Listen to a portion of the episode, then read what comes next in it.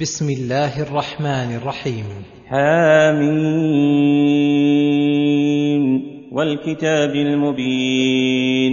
إنا أنزلناه في ليلة مباركة. إنا كنا منذرين. هذا قسم بالقرآن على القرآن فأقسم بالكتاب المبين لكل ما يحتاج إلى بيانه أنه أنزله في ليلة مباركة أي كثيرة الخير والبركة وهي ليلة القدر. التي هي خير من ألف شهر فأنزل أفضل الكلام بأفضل الليالي والأيام على أفضل الأنام بلغة العرب الكرام لينذر به قوما عمتهم الجهالة وغلبت عليهم الشقاوة فيستضيئوا بنوره ويقتبسوا من هداه ويسيروا وراءه فيحصل لهم الخير الدنيوي والخير الأخروي ولهذا قال إنا كنا منذرين. فيها يفرق كل أمر حكيم.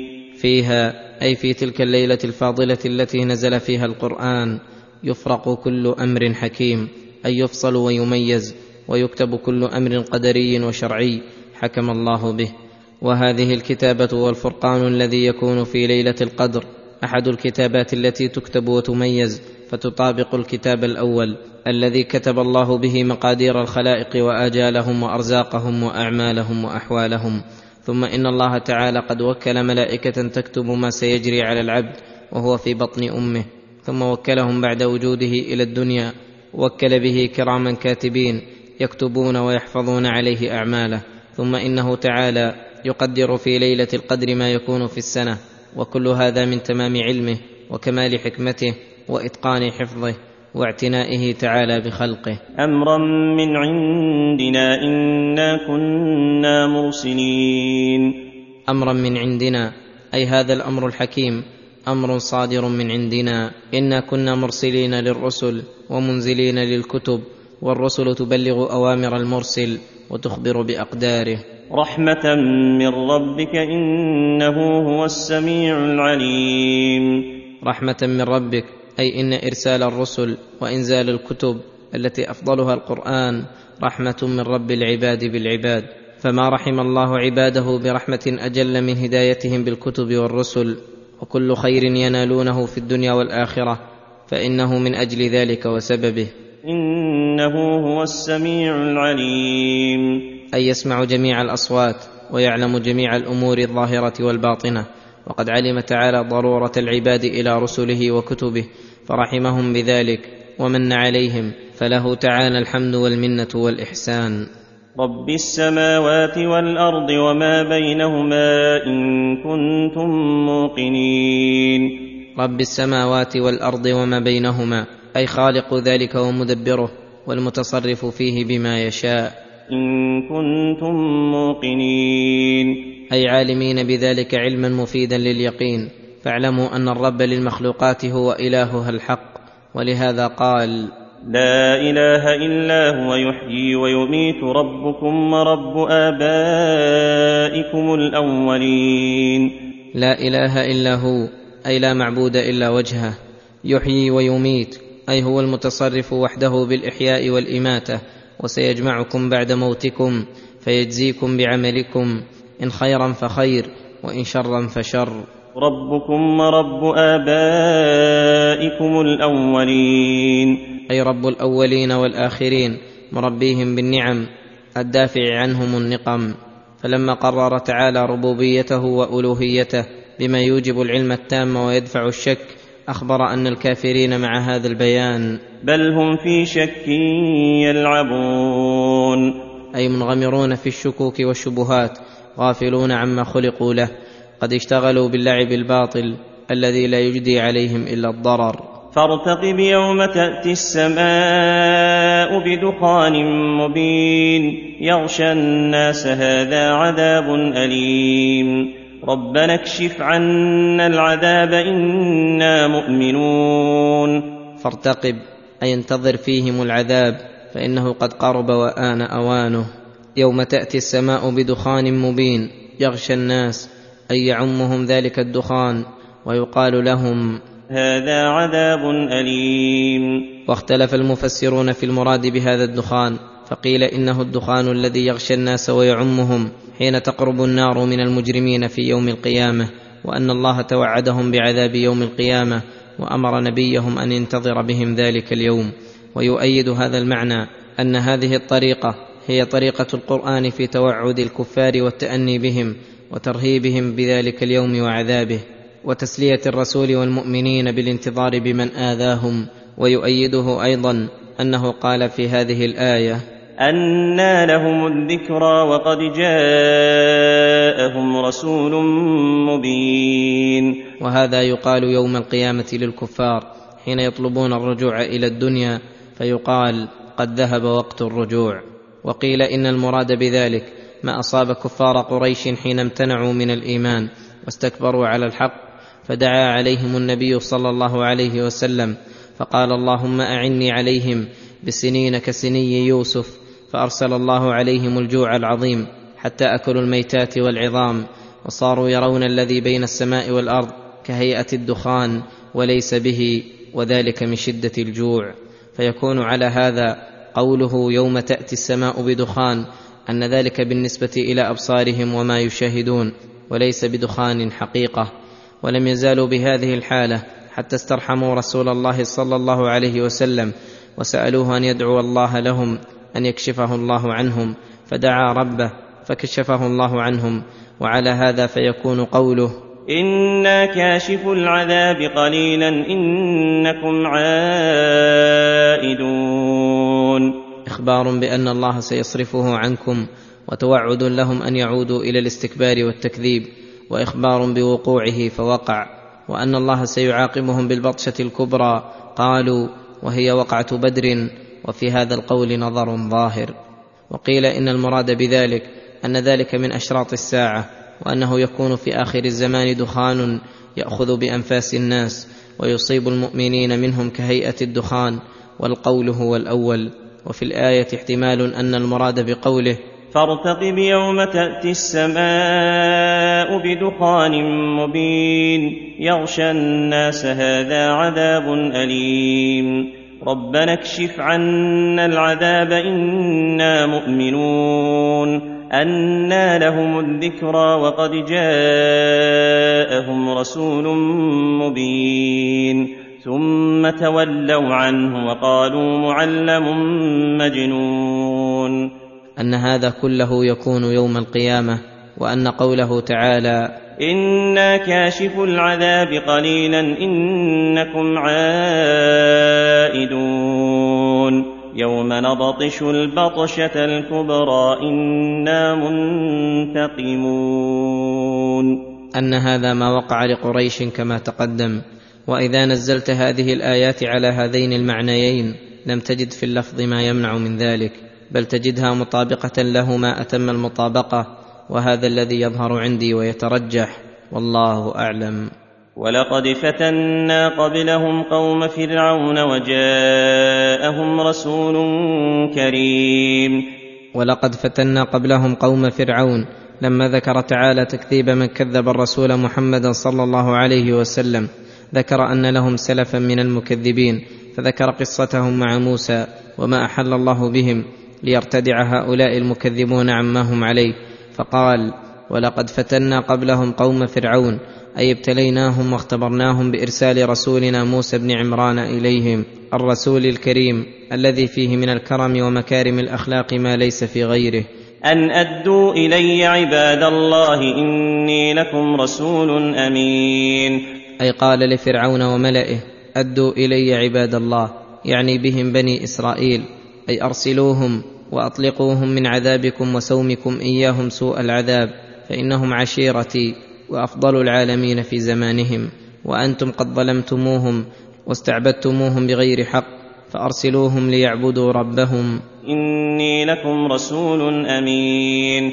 أي رسول من رب العالمين أمين على ما أرسلني به.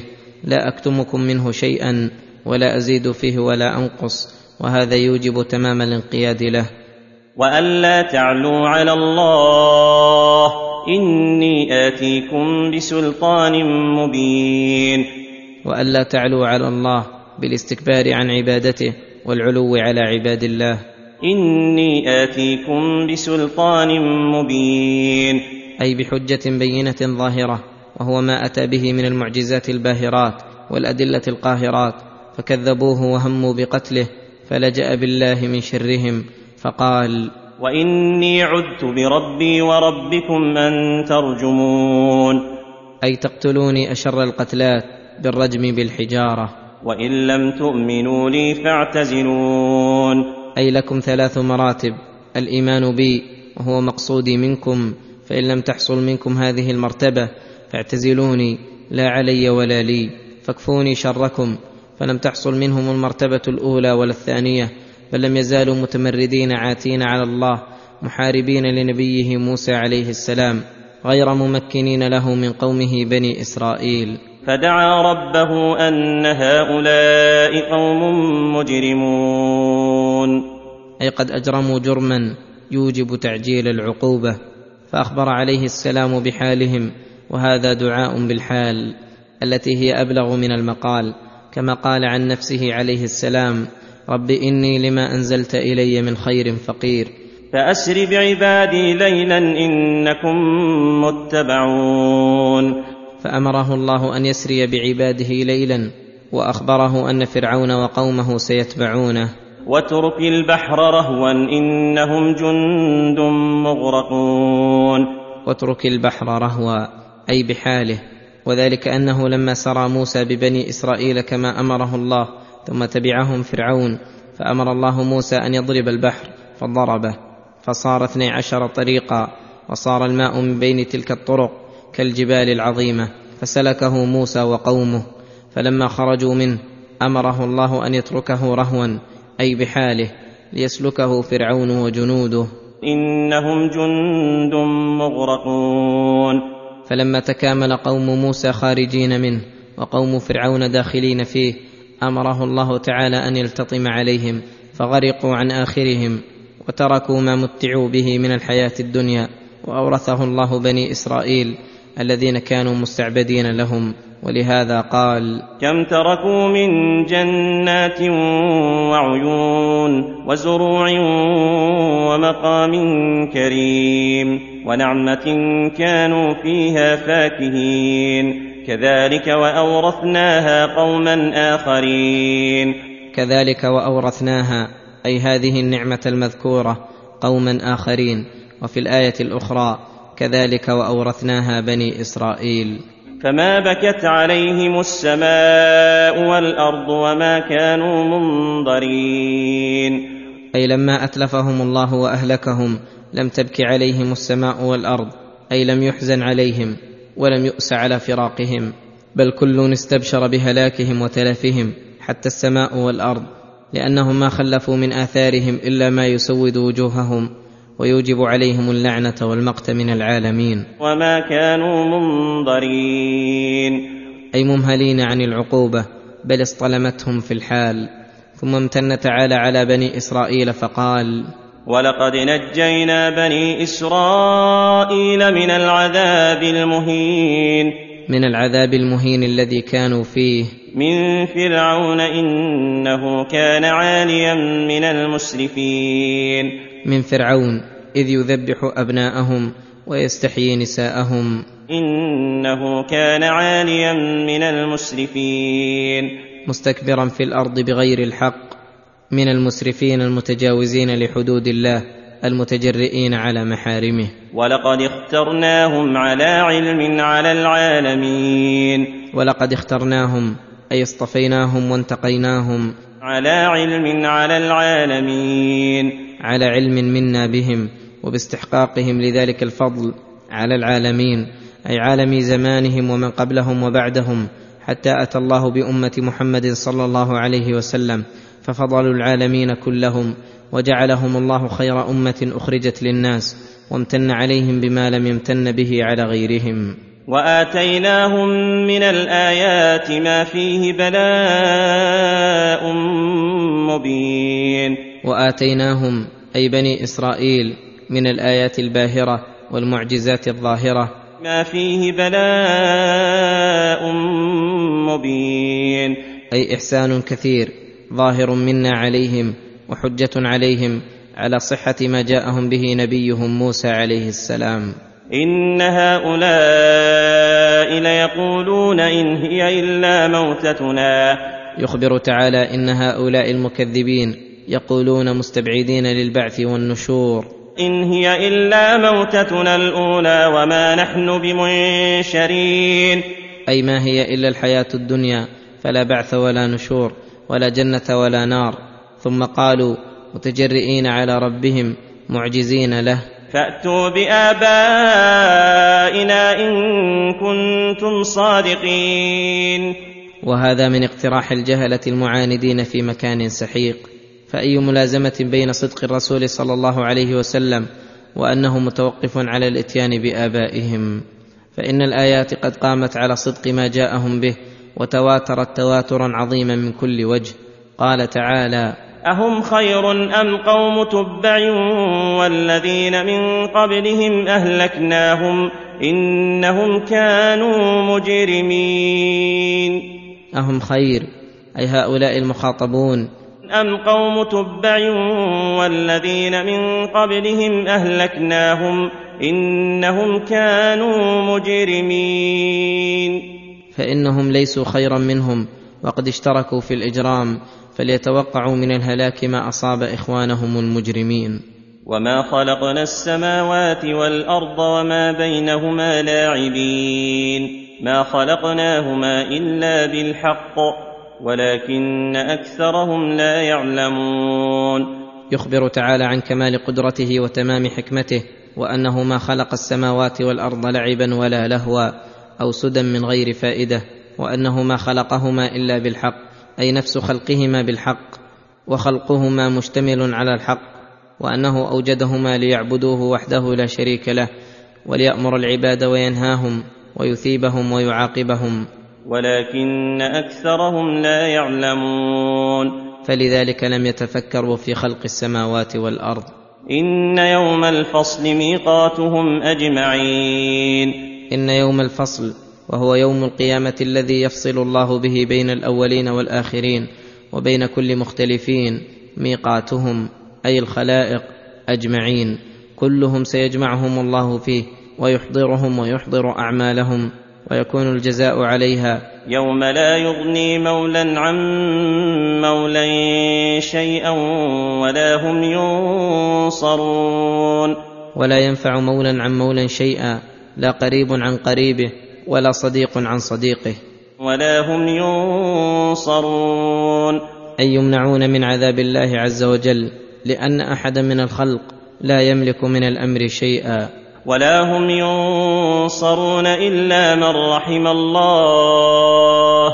إنه هو العزيز الرحيم. فإنه هو الذي ينتفع ويرتفع برحمة الله تعالى التي تسبب إليها وسعى لها سعيها في الدنيا. ثم قال تعالى إن شجرة الزقوم طعام الأثيم. لما ذكر يوم القيامة وأنه يفصل بين عباده فيه ذكر افتراقهم إلى فريقين فريق في الجنة وفريق في السعير وهم الآثمون بعمل الكفر والمعاصي وأن طعامهم شجرة الزقوم شر الأشجار وأفظعها وأن طعامها كالمهل يغلي في البطون. كالمهل أي كالصديد المنتن خبيث الريح والطعم شديد الحرارة يغلي في بطونهم. كغلي الحميم. ويقال للمعذب ذق إنك أنت العزيز الكريم. ذق هذا العذاب الأليم والعقاب الوخيم. إنك أنت العزيز الكريم. أي بزعمك أنك عزيز ستمتنع من عذاب الله وأنك كريم على الله لا يصيبك بعذاب. فاليوم تبين لك أنك أنت الذليل المهان الخسيس. إن هذا ما كنتم به تمترون. إن هذا العذاب العظيم ما كنتم به تمترون أي تشكون فالآن صار عندكم حق اليقين. إن المتقين في مقام أمين في جنات وعيون يلبسون من سندس واستبرق متقابلين هذا جزاء المتقين لله الذين اتقوا سخطه وعذابه بتركهم المعاصي وفعلهم الطاعات فلما انتفى السخط عنهم والعذاب ثبت لهم الرضا من الله والثواب العظيم في ظلال ظليل من كثرة الأشجار والفواكه وعيون سارحة تجري من تحتهم الأنهار يفجرونها تفجيرا في جنات النعيم. فأضاف الجنات إلى النعيم لأن كل ما اشتملت عليه كله نعيم وسرور كامل من كل وجه ما فيه منغص ولا مكدر بوجه من الوجوه. ولباسهم من الحرير الأخضر من السندس والاستبرق أي غليظ الحرير ورقيقه مما تشتهيه أنفسهم. متقابلين. متقابلين في قلوبهم ووجوههم في كمال الراحة والطمأنينة والمحبة والعشرة الحسنة والآداب المستحسنة. كذلك وزوجناهم بحور عين. كذلك النعيم التام والسرور الكامل وزوجناهم بحور عين. أي نساء جميلات من جمالهن وحسنهن أنه يحار الطرف في حسنهن وينبهر العقل بجمالهن وينخلب اللب لكمالهن. عين أي ضخام الأعين حسانها. يدعون فيها بكل فاكهة آمنين. يدعون فيها أي الجنة بكل فاكهة مما له اسم في الدنيا ومما لا يوجد له اسم ولا نظير في الدنيا. فمهما طلبوه من أنواع الفاكهة وأجناسها أحضر لهم في الحال من غير تعب ولا كلفة. آمنين. آمنين من انقطاع ذلك وآمنين من مضرته وآمنين من كل مكدر وآمنين من الخروج منها والموت. ولهذا قال لا يذوقون فيها الموت إلا الموتة الأولى ووقاهم عذاب الجحيم. أي ليس فيها موت بالكلية ولو كان فيها موت يستثنى لم يستثني الموتة الأولى التي هي الموتة في الدنيا فتم لهم كل محبوب مطلوب. ووقاهم عذاب الجحيم. فضلا من ربك ذلك هو الفوز العظيم. فضلا من ربك أي حصول النعيم واندفاع العذاب عنهم من فضل الله عليهم وكرمه. فإنه تعالى هو الذي وفقهم للأعمال الصالحة التي بها نالوا خير الآخرة وأعطاهم أيضا ما لم تبلغه أعمالهم. فضلا من ربك ذلك هو الفوز العظيم. وأي فوز أعظم من نيل رضوان الله وجنته والسلامة من عذابه وسخطه. فإنما يسرناه بلسانك لعلهم يتذكرون. فإنما يسرناه أي القرآن بلسانك. أي سهلناه بلسانك الذي هو أفصح الألسنة على الإطلاق وأجلها. فتيسر به لفظه وتيسر معناه. لعلهم يتذكرون. لعلهم يتذكرون ما فيه نفعهم فيفعلونه وما فيه ضررهم فيتركونه. فارتقب إنهم مرتقبون. فارتقب أي انتظر ما وعدك ربك من الخير والنصر.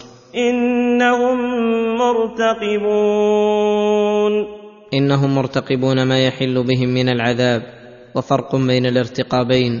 رسول الله وأتباعه يرتقبون الخير في الدنيا والآخرة وضدهم يرتقبون الشر في الدنيا والآخرة.